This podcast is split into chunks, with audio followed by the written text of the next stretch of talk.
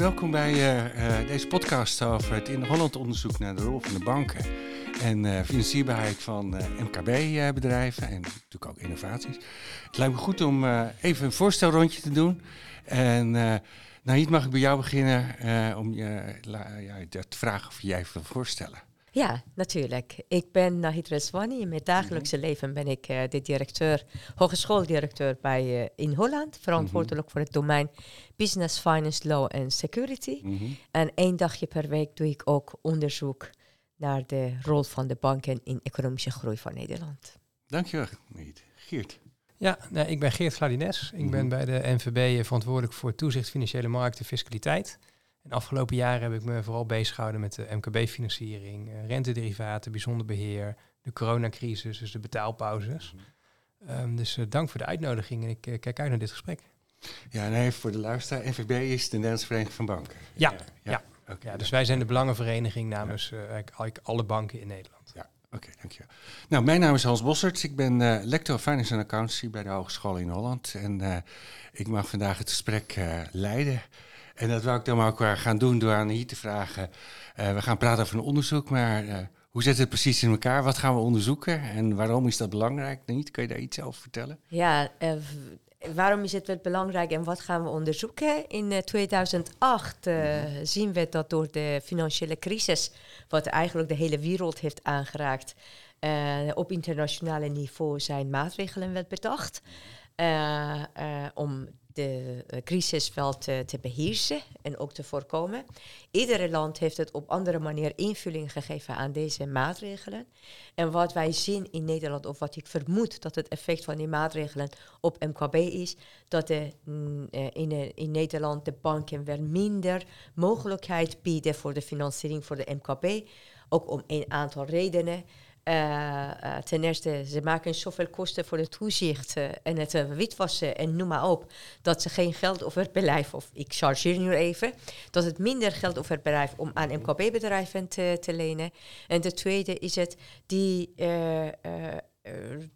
de banken nemen minder risico. En MKB-bedrijf, vooral de start-up, heeft toch bepaalde risico. En vandaar dat ze kunnen minder aan het financiële mogelijkheid te komen. Uh, maar goed nieuws is dat in Nederland echte ondernemers blijven echte ondernemers. Dus als het niet van de banken wel geld kan lenen, dat gaat wel op andere manier uh, aan financiering komen. Maar dat neemt niet weg dat één, als wij minder investeren in MKB, dat heeft wel effect op economische groei van ons land. Dus dat hebben wij in principe met z'n allen last van. En de tweede, uh, de bedrijven gaan op andere manier aan financiering komen die niet risicovrij is. Uh, dus wat doen we dat? Op welke manier kunnen wij dit risico dekken? Komt het heel kort op neer. Oké, okay, dankjewel.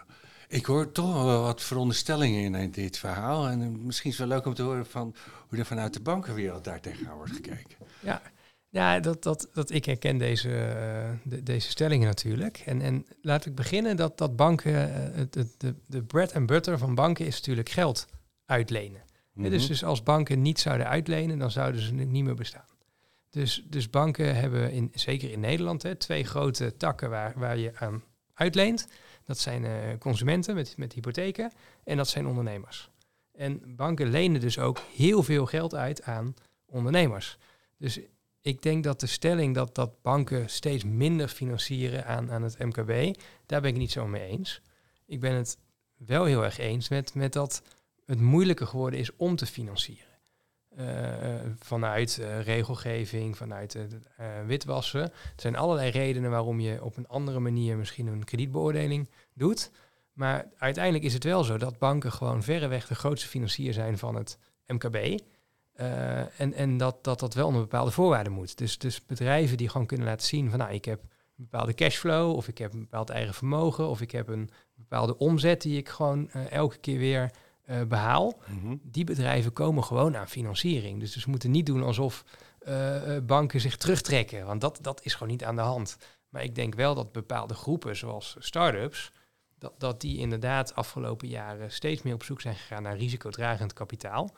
Uh, en dat dat zeker vanuit de banken. Bank, kijk, banken willen natuurlijk geld uitlenen, maar doen dat wel met geld wat van spaarders komt. Hè? Dus banken lenen niet hun eigen geld uit. Ja. Dus kunnen ook maar tot een bepaald niveau gaan met het risico dat ze, dat ze willen nemen.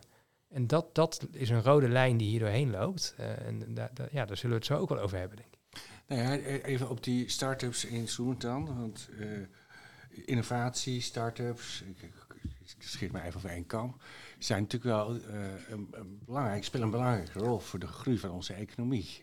Zie je dan daar ook een, een verband tussen? Of zeg je van nou, dat valt wel mee in de praktijk?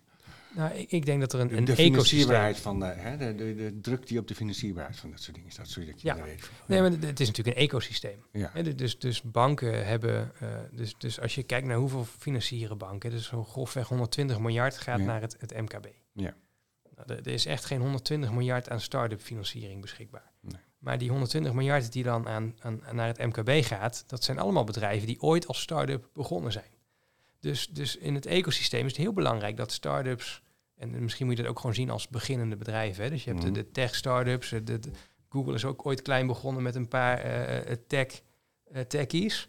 Maar je hebt ook gewoon een hovenier die met een busje begint en die vervolgens doorgroeit. Mhm. En dat kan misschien wel een heel groot hoveniersbedrijf worden of wordt uiteindelijk een bouwbedrijf. En ik denk dat de, het moment waarop een bank echt in beeld komt, is als je eh, eh, ja, eh, assets gaat kopen. Hè? Dus, dus Mhm. dat, dan, dan, dat is bijvoorbeeld een busje, dat is een pand. Dat is als je werkkapitaal nodig hebt om bijvoorbeeld salarissen te betalen. Maar een bank is niet degene die zegt van... ik ga even voorschieten dat jij de eerste drie maanden geen omzet maakt... totdat jij die klant gevonden hebt. Mhm. En dat is natuurlijk bij start-ups heel erg aan de, aan de orde. Mhm. Dat, dat er een, een product in de markt gezet wordt... waar eigenlijk nog helemaal geen bewezen businessmodel achter zit. We hopen het allemaal. Maar de vraag is of dat dan zo is. En dat is het risico wat, wat banken niet nemen. En, en eigenlijk heel blij zijn dat andere partijen dat dan wel doen. Ja, maar met het eh, gevaar dat het wel de, eh, op andere manier aan het geld komt. Ten eerste voor de start-up die eigenlijk geen geld heeft. Hè? En die gaat net starten met het onderneming bouwen, moet je hogere rente betalen. En te- tegelijkertijd heeft het ook wel risico. Eh, weet je, want het is niet voor niks dat de overheid heeft bepaalde maatregelen opgelegd om het risico te verminderen. Hoe gaan we met die risico om? En nog iets anders, ja, het is wel niet zo knap en eh, dat neem je niet de maatschappelijke verantwoordelijkheid. Als je zegt, ja, ik ga aan iemand geld lenen, dat ik weet dat, eh, dat hij wel terug kan betalen, dat hij wel al het bedrijf heeft, dat hij wel winsten kan maken, dat kan ik ook. Dus daar heb jij ook niet de banken voor bewijzen van spreken nodig. Dat kan wel iemand die echt hartstikke rijk is, ook zonder enige risico, die dat te doen.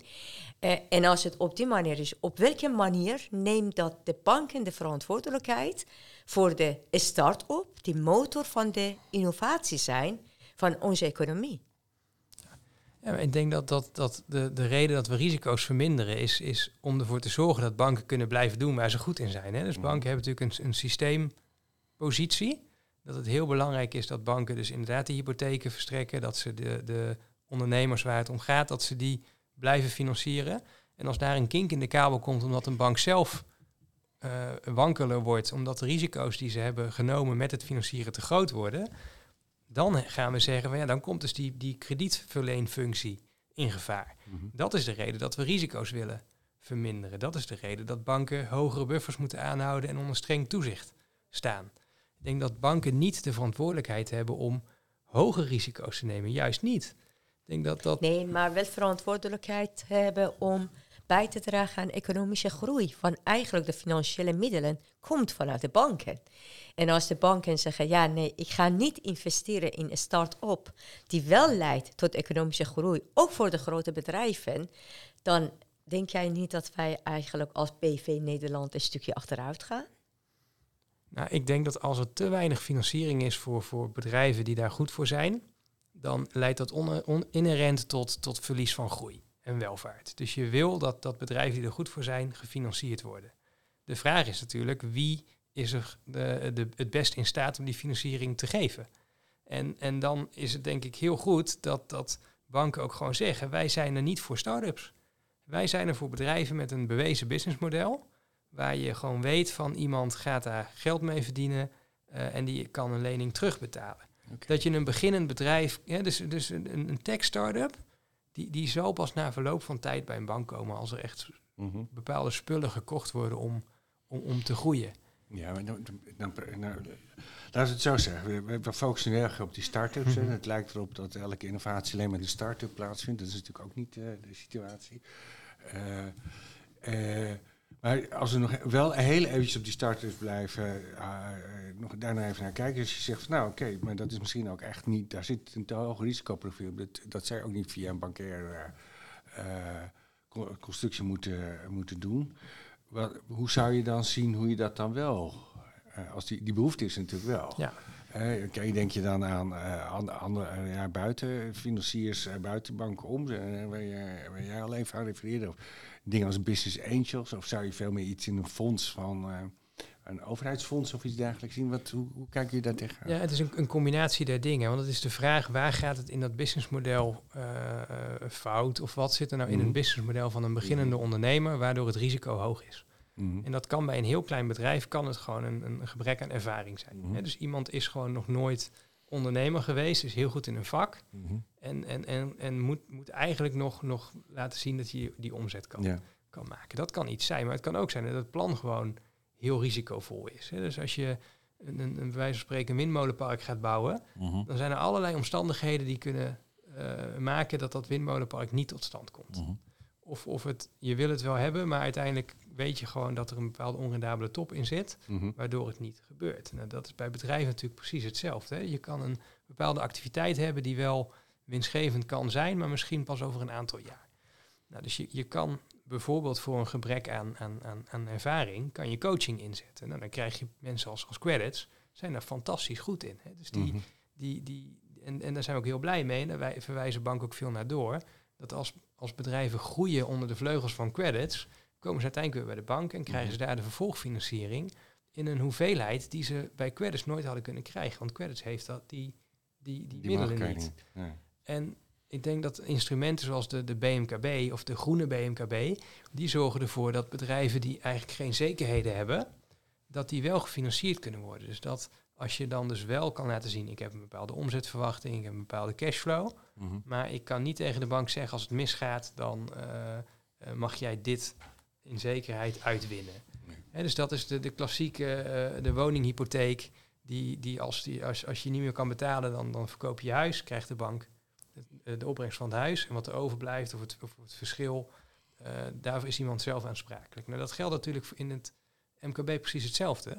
Dat een instrument als een BMKB is eigenlijk bewezen heel effectief om ervoor te zorgen dat je die, die, die, die als het fout gaat op zekerheden, mhm. dat je dat dan kan oplossen. Ik ga, als je goed vindt, Hans, even terugkomen op wat jij in het begin zei, Geert. Je zegt, uh, eigenlijk de totale investeringen, wat de banken doen per jaar, is het niet afgenomen. Ook niet na de, na de financiële crisis. Dat klopt ook, want we hebben het ook wel in de cijfer gezien, dat de totale uh, investeringen is toegenomen. Maar wat wij ook wel in de cijfers hebben gezien, dat het wel het deel daarvan die naar de MKB-bedrijven zijn gegaan, en ik heb het niet over starters, want je hebt duidelijk gemaakt dat eigenlijk het is niet de rol en de taak van de banken om aan starters geld te gaan lenen. Ze moeten het op andere manier uh, uh, voor de investering zoeken. Maar we hebben ook in de cijfers gezien dat het de deel waar de MKB-bedrijven die lening van de banken hebben gekregen, het is afgenomen. Dat neemt niet weg dat het het totale investeerders van de MKB de afgelopen jaren is wel toegenomen. Dus dat die, uh, het verschil tussen dit is, het is het uh, verschil waar ik heb van mening ben dat de MKB-bedrijf risico geld leent. En is het niet zo dat het wel die risico wat het MKB neemt, dat moet op een gegeven moment ook de maatschappij voor gaan draaien. Terwijl dat jij geeft aan dat het wel de rol van de banken is, ook voor de zorgen voor het genoeg investeringen voor de MKB-bedrijven. Ja, nou, ik, ik denk dat, dat hier spelen een aantal zaken door elkaar heen. Hè. Dus ik denk dat als je kijkt naar de, de DNB heeft die statistieken en dan kijk je naar de leningen meer dan een miljoen, tussen 250.000 en, en een miljoen uh, en daaronder. En, en het wordt nadrukkelijk lastiger om, om bij de lagere bedragen, daar, daar zie je een, eerder een terugloop dan daarboven. Wat is de reden daarvan? Nou, dus, en dat is waar, waar meerdere dynamieken door elkaar heen lopen. Ik denk dat afgelopen jaren uh, is de economie heel goed geweest. Hè. We zitten eigenlijk pas vrij recent in een, in een situatie dat, er, dat geld weer schaarser wordt. Mhm. Dus bedrijven hebben ook, ook echt veel eh, eigen middelen gehad en daarom minder hoeven lenen. Dus dat speelt mee. Ik denk dat meespeelt dat kleinere bedrijven uh, al eerder zeggen: ik wil niet per se alleen afhankelijk zijn van de bank. Dus dat zij ook gewoon zeggen van nou, als ik het even kan vermijden, dan doe ik het op een andere manier. De tarieven worden hoger naarmate de bedrijven kleiner worden, omdat het risico ook groter wordt bij kleinere bedrijven.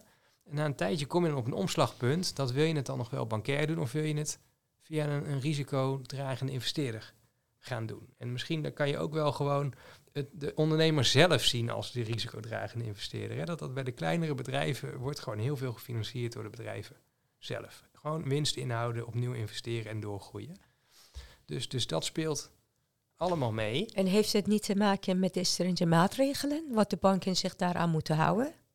Ja, dat, dat, dat speelt natuurlijk ook mee. Dus dat speelt mee in de prijs. Hè? Dus dat, dat tarieven of de, de, de rente die betaald wordt, is eigenlijk een, een weergave van funding plus risico. En risico is gewoon, kan een bedrijf, wat de kans dat het bedrijf omvalt? Nou, daar reken je een premie voor. En die, die premie is dus hoger bij kleinere bedrijven dan bij grote bedrijven. Dus dat, dat, dat speelt mee. Dat is de, uh, ook het kapitaalbeslag, hè, wat je moet aanhouden. Dus het is niet eens een. een het is, het is business-wise verstandig om, om een hoog genoeg prijs te rekenen. om ervoor te zorgen dat je de risico's bij kleinere bedrijven kan afdekken. Maar je moet ook wel degelijk meer kapitaal aanhouden voor bedrijven die risicovoller zijn. Dus de, de, dat is deels gedreven door toezicht. En deels is het gedreven door ja, gewoon, gewoon commercie. Het is logisch dat je risicovolle bedrijven meer betaalt. Ik denk waar je, je echt wel een, een, een heel duidelijk effect ziet van, van, van wet en regelgeving is bijvoorbeeld uh, rekening courant. Dat als je die, diezelfde statistieken bekijkt, dan zie je dat rekening courant echt heel erg afneemt. En dat is gewoon gekoppeld aan, aan, aan Basel. Wat zegt als je geen onderpand hebt, moet je veel meer uh, kapitaal aanhouden. Tot, tot eigenlijk gewoon 100% van wat je uit hebt geleend. Ja, dan is het natuurlijk niet meer interessant om dat als bank te gaan doen. Dus daar zit ook wel iets in. Dus dat, dat in het productaanbod ook wel gekeken wordt van ja, wat, wat, wat, is, wat is handig? Waarvoor kunnen wij als bank onze rol uh, goed nemen? En dan kom je eigenlijk weer terug aan het begin. Dat als een bank spaargeld aantrekt en dat dus van een hele grote groep mensen en dan vervolgens transformeert naar leningen bij een, kleinere groep ondernemers of consumenten, ja, dan ga je eigenlijk geld wat over is allokeren naar geld wat nodig is. En, en mijn stelling is wel dat banken dat gewoon nog steeds heel goed doen, ook voor het MKB. Maar zie je, want, uh, zie je dan verschillen bijvoorbeeld tussen, we hebben nog een keer over, alsmaar over die start-ups, maar je hebt natuurlijk ook scale-ups. En je hebt ook gewoon uh, bestaande bedrijven die een nieuwe activiteit starten. Uh, daar zitten wel meer zekerheden in. Hoe, zie, hoe, hoe, kijk je daar tegenaan? Is dat, ligt dat allemaal in het verlengde van dit verhaal? Of? Ja, ja, deels wel, want wat, wat, wat een bank, het begint bij cashflow. Ja. Dus als je gewoon die, die cashflow hebt ja. en, en je hebt je, je, je, je, je omzet en je kosten en daar zit een positieve ja. uh, grens onder, dan, dan kan je ook vaak bankair, hè, dan, wordt, dan wordt het logischer om bankair te financieren. Mm -hmm. Als je het hebt over de, de, de, de scale-ups mm -hmm. die in een fase zitten dat er eigenlijk wel producten verkocht worden, maar dat er nog steeds veel meer uitgaat dan in, mm -hmm. ja, dan, dan denk je dat je afgelopen jaren dat banken daar helemaal niet zoveel in gefinancierd hebben. Nee, maar ik denk meer aan scale-ups die, uh, nou ja, bij, bij mijn vakgebied noemen ze dat de Valley of Death. He, dus uh, uit, die ja. beginnen winst te maken en dan moet er eigenlijk een uh, buitenboordmotor op om, het, uh, ja. Om, om, om, de massa te gaan. Zijn dat, daar, daar zit nog steeds een heel risicovol profiel aan, denk ik. maar daar, die hebben wel een bewezen businessmodel. En dat was een van de dingen waar je zei, nou, bij start-ups weet ik dat ook nog niet. Ja, dit, dit, dit zal uiteindelijk natuurlijk ja. specifiek bedrijfsafhankelijk zijn. Maar afgelopen jaren hebben we ik denk dit type bedrijven ja. hebben denk ik weinig uh, uh, problemen gehad met geld ophalen. Ja, ja, okay. Omdat er ook heel veel bedrijven, gewoon, dus, dus daar zijn de investeringsmaatschappijen ook voor. Hè? Dat je in het Valley of Death denkt, ja, maar dit bedrijf is zo goed, dit, dit, dit moet wat worden. Maar uh, bank zegt nee. Hè? Dus is bijna altijd ondernemer begint bij de bank. Ja. Want de bank heeft gewoon de goedkoopste funding. Dat is ja. natuurlijk of de goedkoopste funding, goedkoopste uh, ja, uh, krediet wat ze uit kunnen zetten. Dus het is heel logisch dat, dat, dat een ondernemer daar altijd begint. Maar het is ook logisch dat in een Valley of Death scenario dat je Mm. een deel of het helemaal via een externe partij doet. En ik denk dat zeker afgelopen jaren is daar ook helemaal geen. de- Er was echt geld over. Ja, Ik denk dat, dat- is de verandering van de rentestand. Ja. Dat gaat daar invloed op hebben, of niet? Precies, dus je krijgt nu een andere situatie. En Mhm. Ik denk dat dat. Daarom ben ik, ik ben het daar gewoon niet zomaar mee eens dat de afgelopen jaren een, een financieringsprobleem is geweest. Ik Mhm. denk dat dat. Het is geen probleem geweest, hè? want ze lossen het op, de ondernemen, maar het is de banken minder aan het MKB geld heeft geleend. hè. Dus dat Ja. is wel iets heel anders. En dan, dan kom ik wel eigenlijk bij, bij het eh, eh, bestaansrecht van de, van de, van de banken. Hè? Van vanuit ze, waarom zijn ze banken eigenlijk tot de stand gekomen? Een paar redenen. Toegankelijk zijn voor de investeerders, financiële en economische stabiliteit. En ook dienstverlenen richting de, richting de eh, eh, gewone inwoners. En dan, als je dat die zegt, en met het verhaal wat je nu wel vertelt, dat het eigenlijk banken hebben ook een soort rol aangenomen. Of het te maken heeft met de maatregelen, I don't know. En misschien weet jij dat, dat ze, eigenlijk zijn ze meer risicovermijdend gedrag gaan vertonen. MKB kre- die wel risico heeft dat het wel niet gaat redden, dan gaan we geen geld uitlenen. Eh, de een start-up, nee, dat is risicovol, dus dan gaan we ook geen geld uitlenen. Klopt dat? Ja, deels wel. Dus ik denk als je pre-crisis kijkt, zullen banken veel meer risico's genomen hebben in, in de, de groepen die je nu beschrijft. Dus dat daar veel meer gezegd werd van, hé, hey, dit, dit, dit is toch op papier gewoon een logisch verhaal. Hè, dus dit, dit, dit, en of je het dan, we zijn het nu pas allemaal value of debt gaan noemen, hè, of start-ups, maar Mhm. ik denk dat dat een goede twintig jaar geleden was het gewoon, dit bedrijf heeft een goede reputatie hier in de regio. Iedereen kan zien dat daar goede mensen werken. Je kon dat soort factoren meewegen om te financieren. Mhm.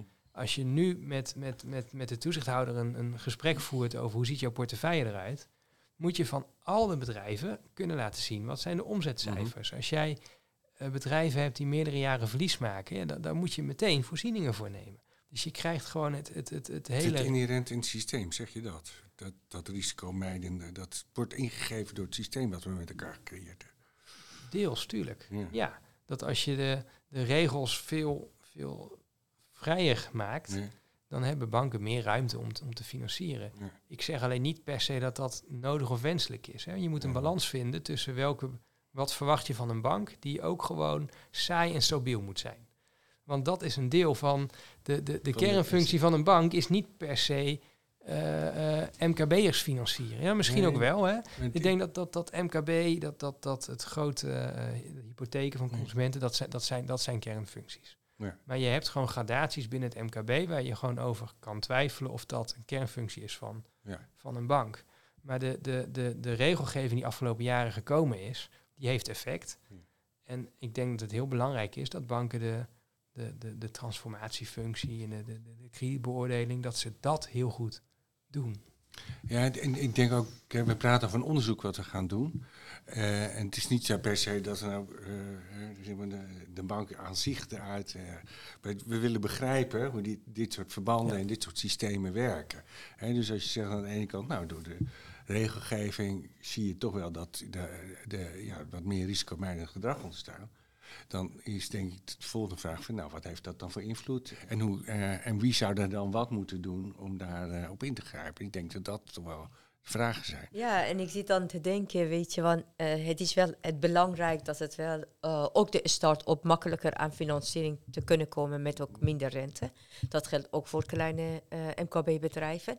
Zou het ook wel optie kunnen zijn dat het, en ook om het redenen dat het het risico gaan we beperken, zou het optie kunnen zijn om het, net zo wat in Engeland gebeurt, dat ze hebben wel eigenlijk aparte bank voor de MKB-bedrijven eh, opgericht dat wij ook in Nederland kunnen aparte banken hebben voor MKB-bedrijven. Weet je, dan, eh, ja, ik ben benieuwd hoe jij tegenaan kijkt. Nou, ik, ik, dat, dat, zoals ik in het begin al zei, je, je hebt in Nederland gewoon vier MKB-banken. Dat is gewoon de eh, ING, Rabo, ABN AMRO en de Volksbank. Die hebben gewoon een brede propositie voor het MKB. Wat ze in, in, in, in de, het Verenigd Koninkrijk gedaan hebben met de, met de British Business Bank, dat, dat, dat is eigenlijk iets wat we in Nederland hebben opgeknipt. Dus wij hebben RVO, we hebben credits, we hebben de, eh, de Kamer van Koophandel en we hebben eh, instrumenten zoals de BMKB die ervoor zorgen Mhm. dat banken een deel van de ondernemerspopulatie kunnen financieren met gebrek aan zekerheden. Dus als je dat allemaal bij elkaar gooit en dan zorgt dat die ondernemer bij het, het juiste loket uitkomt, dan denk ik dat je best dichtbij komt bij een British Business Bank. Want de vraag is of de, de, de, die bank in, in, in, in het Verenigd Koninkrijk, of dat echt een bank is, of dat dat meer een, een doorverwijsloket is. En, en ik, ik zeg niet dat dat... dat dus, dus wat is dan een bank? Dus als je een bank ziet als, als een, een- een plek waar, waar mensen geld in bewaring geven en waar je geld uithaalt, dan is dat niet per se één op één hetzelfde als de British Business Bank. Ik vind het nog steeds een heel mooi initiatief, hè, de British Business Bank. Nou, de, vraag is natuurlijk, Ja. is het effectief hè, eigenlijk? Want eh, voordat je een hele filosofische discussie van wat is een bank... eh, als je het bij combineert en daardoor kan je wel een soort vliegwiel eh, krijgen. Dus Ja. dan is het interessant, denk ik. Ja, en je moet heel goed weten welke doelgroep je hebt. Ja. Want ik denk dat de, de, de Volksbank afgelopen jaren extreme inspanning heeft geleverd om ervoor te zorgen dat je gewoon de, de, de, de ondernemer met, met, met, met één bouwbusje, hè, gewoon de, de, de, de reguliere Mhm. eh, MK, ja, de, de, de middenstander, de bakker. Mhm. Gewoon. En, en als je dat combineert met credits, hè, dus daar in die sfeer, daar gebeurt best wel veel. Mhm. Dus, dus ja, ik, ik, ik wil het best wel, wel, wel zien. Ik hoop dat, het, dat, dat er meer concurrentie komt. Dat is alleen maar goed. Maar de vraag is gewoon of, of het, als je het in overheidshanden zou doen, of je dan een, een, een, een effectiever product hebt. Ik denk het eigenlijk dat dat best wel tegen zal. Dat vallen. gaan we zeker Da- onderzoeken. da- hè. ja, Eh, maar dat, sorry, nee, we, we hebben natuurlijk heel veel, een traditie. Heel van wat wij nu commerciële banken noemen, die zijn eh, ook ooit in overheidshanden eh, gestart. Hè. Ik denk aan de postcheck en girodienst, eh, wat daarvan terecht is gekomen. De Nederlandse Middenstandsbank. Dus we hebben in onze eigen historie hebben laten zien dat, dat je daar heel veel suc- succes mee kan hebben om eh, dit soort eh, initiatieven iets van de grond te krijgen en vervolgens weer in, gewoon in de normale markt te laten dalen. Jij noemde iets concurrentie. Hè? Dat zou wel fijn zijn dat het als het ook meer concurrentie komt. Dat is ook eigenlijk iets wat, wat ik denk.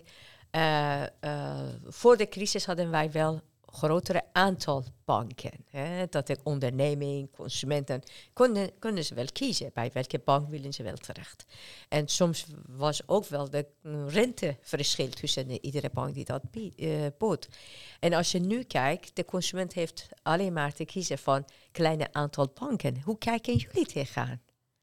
Het is lekker een monopolische positie Nee, van het- banken. Nee, maar hier heeft het, het, het CPB ook onderzoek naar gedaan een aantal jaar geleden. hè. En, en je hebt gewoon een aantal grote banken in Nederland. Hè. Dus voor, voor het MKB zijn het de vier die ik, die ik net noemde. En je hebt Mhm. natuurlijk nog wat, wat, wat gespecialiseerde banken daaromheen, hè, als NIBC, shipping, vastgoed.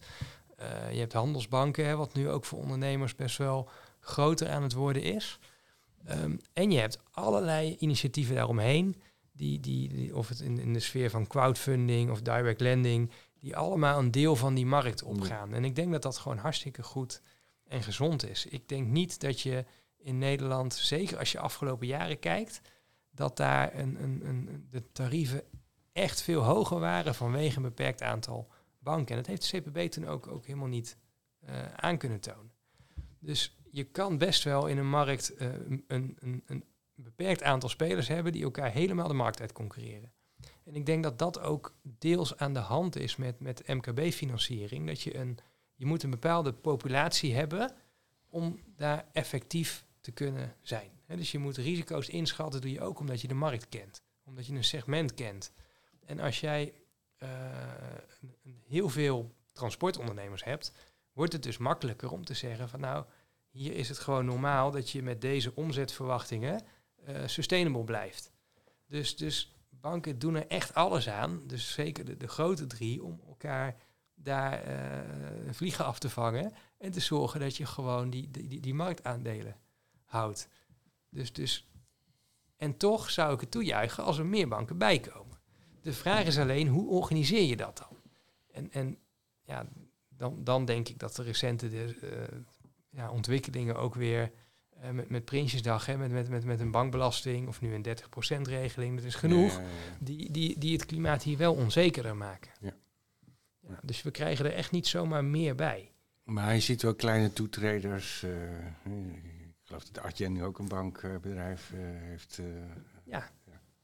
Ja, en het is ook hartstikke gezond. Als bedrijven die gewoon over een langere periode te veel eh, eh, marge naar zich toe trekken, die, die eigenlijk bij de, de klant had moeten zitten, Mhm. ja, da- dan krijg je nieuwe toetreders. Ja.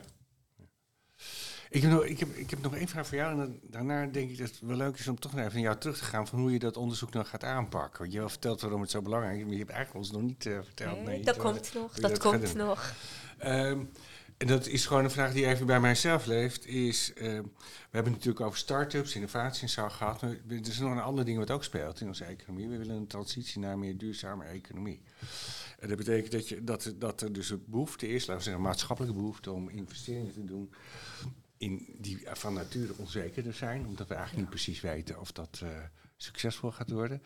En eh, omdat ze duurzaam zijn, dus ook een langere tijdshorizon hebben voordat het gaat renderen. Want dat is nou eenmaal het kenmerk van. eh, en die, dat betekent dat ze eigenlijk twee keer niet goed scoren op dat eh, risicoprofiel. En, eh, ja. hoe, hoe, hoe kijk je daar tegenaan? Is, is, ik kan, Nee, ik herken dit natuurlijk heel erg. En dit is ook een, een, een- worsteling dat, dat banken willen die, die financiering uitzetten. hè. Dus het, het Mhm. financieren van de transitie. En dat is zeker in het MKB is dat relevant, maar natuurlijk ook gewoon bij, de, bij consumenten hè, die, die Mhm. hun huizen moeten ver- verduurzamen.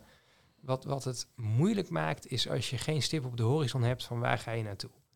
Want als je met, met, met elkaar zegt van nou, binnen een bepaalde sector is dit het uitstoot eh, Mhm. gemiddelde, of dit is normaal, of dit is het Mhm. pad waarin wij gewoon weten dat elk bedrijf daarin moet gaan investeren, ook om te gaan eh, eh, vergroenen, dan kan je daar een businessmodel op schrijven. Ja. En wat banken nodig hebben is, is voorspelbare business cases. Maar dan ga ik hem even van verduurzamen, waar jij nu heel erg aan, eh, mee associeert. Eh, stel dat je, ehm, nou ja, eh is zo'n voorbeeld wat in ieder geval in mijn wereld erg speelt. Is van in plaats van al die bureaus in stoelen ga ik, in plaats van verkopen, ga ik ze, nou ja, zeg maar leasen noemen, verhuren. Nou, daar krijg je een enorme balansverlenging van en dat moet voorgefinancierd worden. Daar zit best nog wel wat risico aan, want je weet helemaal niet of dat bedrijf daar is. Bovendien staan al die meubeltjes overal over heel, het hele land verspreid. Eh, dus dan moet je toch ook weer eh, eh, ja, een, een- een bepaald risico nemen. Terwijl wel de helder is van dat je le- verlengt de levensduur enorm. Dus qua duurzaamheid is het een, heeft een positief effect. Ja. Zo'n Ja. ander businessmodel. Maar dit is, dit is natuurlijk een hartstikke leuke case, die Ja. ook, ook afhangt van, van in hoeverre is, is, is Gispen in staat om te laten zien dat ze de enige zijn die dit kunnen. Van, Ja. van hoe duur is zo'n stoel ten opzichte Mhm. van de investering en Mhm. hoeveel jaar duurt het om het terug te verdienen. Ja. En als, als het blijkt dat je die, die, die stoel elke dag verhuurd moet hebben voor een periode van 15 jaar, terwijl die na 6 jaar is afgeschreven, ja, Ja. dan wordt het hem niet. Nee. Dus banken zullen daar heel erg in meekijken van wat is nou die economische levensduur van een stoel, hoe vaak kan je hem verhuren Eh, en, en is dat een beetje redelijk ten opzichte van, van andere bedrijven die al Mhm. zover zijn? En vervolgens komt dan de vraag, in hoeverre is Gispen dan in staat om dat, dat risico ook zelf een deel te dragen? Ja. Want als je zegt van ja, ik ben een end of life cycle business en eigenlijk moet ik iets gaan doen wat, waar andere mensen al beter in zijn. Maar ja, het is nou eenmaal mijn industrie, laat ik het maar gaan doen.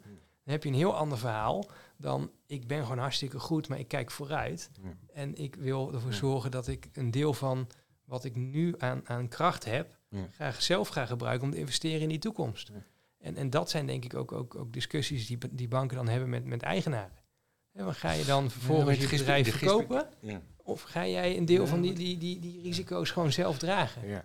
Maar Gisp is natuurlijk een leuke case, omdat het natuurlijk veel vaker... Hè, eh, Philips Lightning of eh Signify, zoals het nu heet, met de verlichting op Schiphol is zo'n voorbeeld.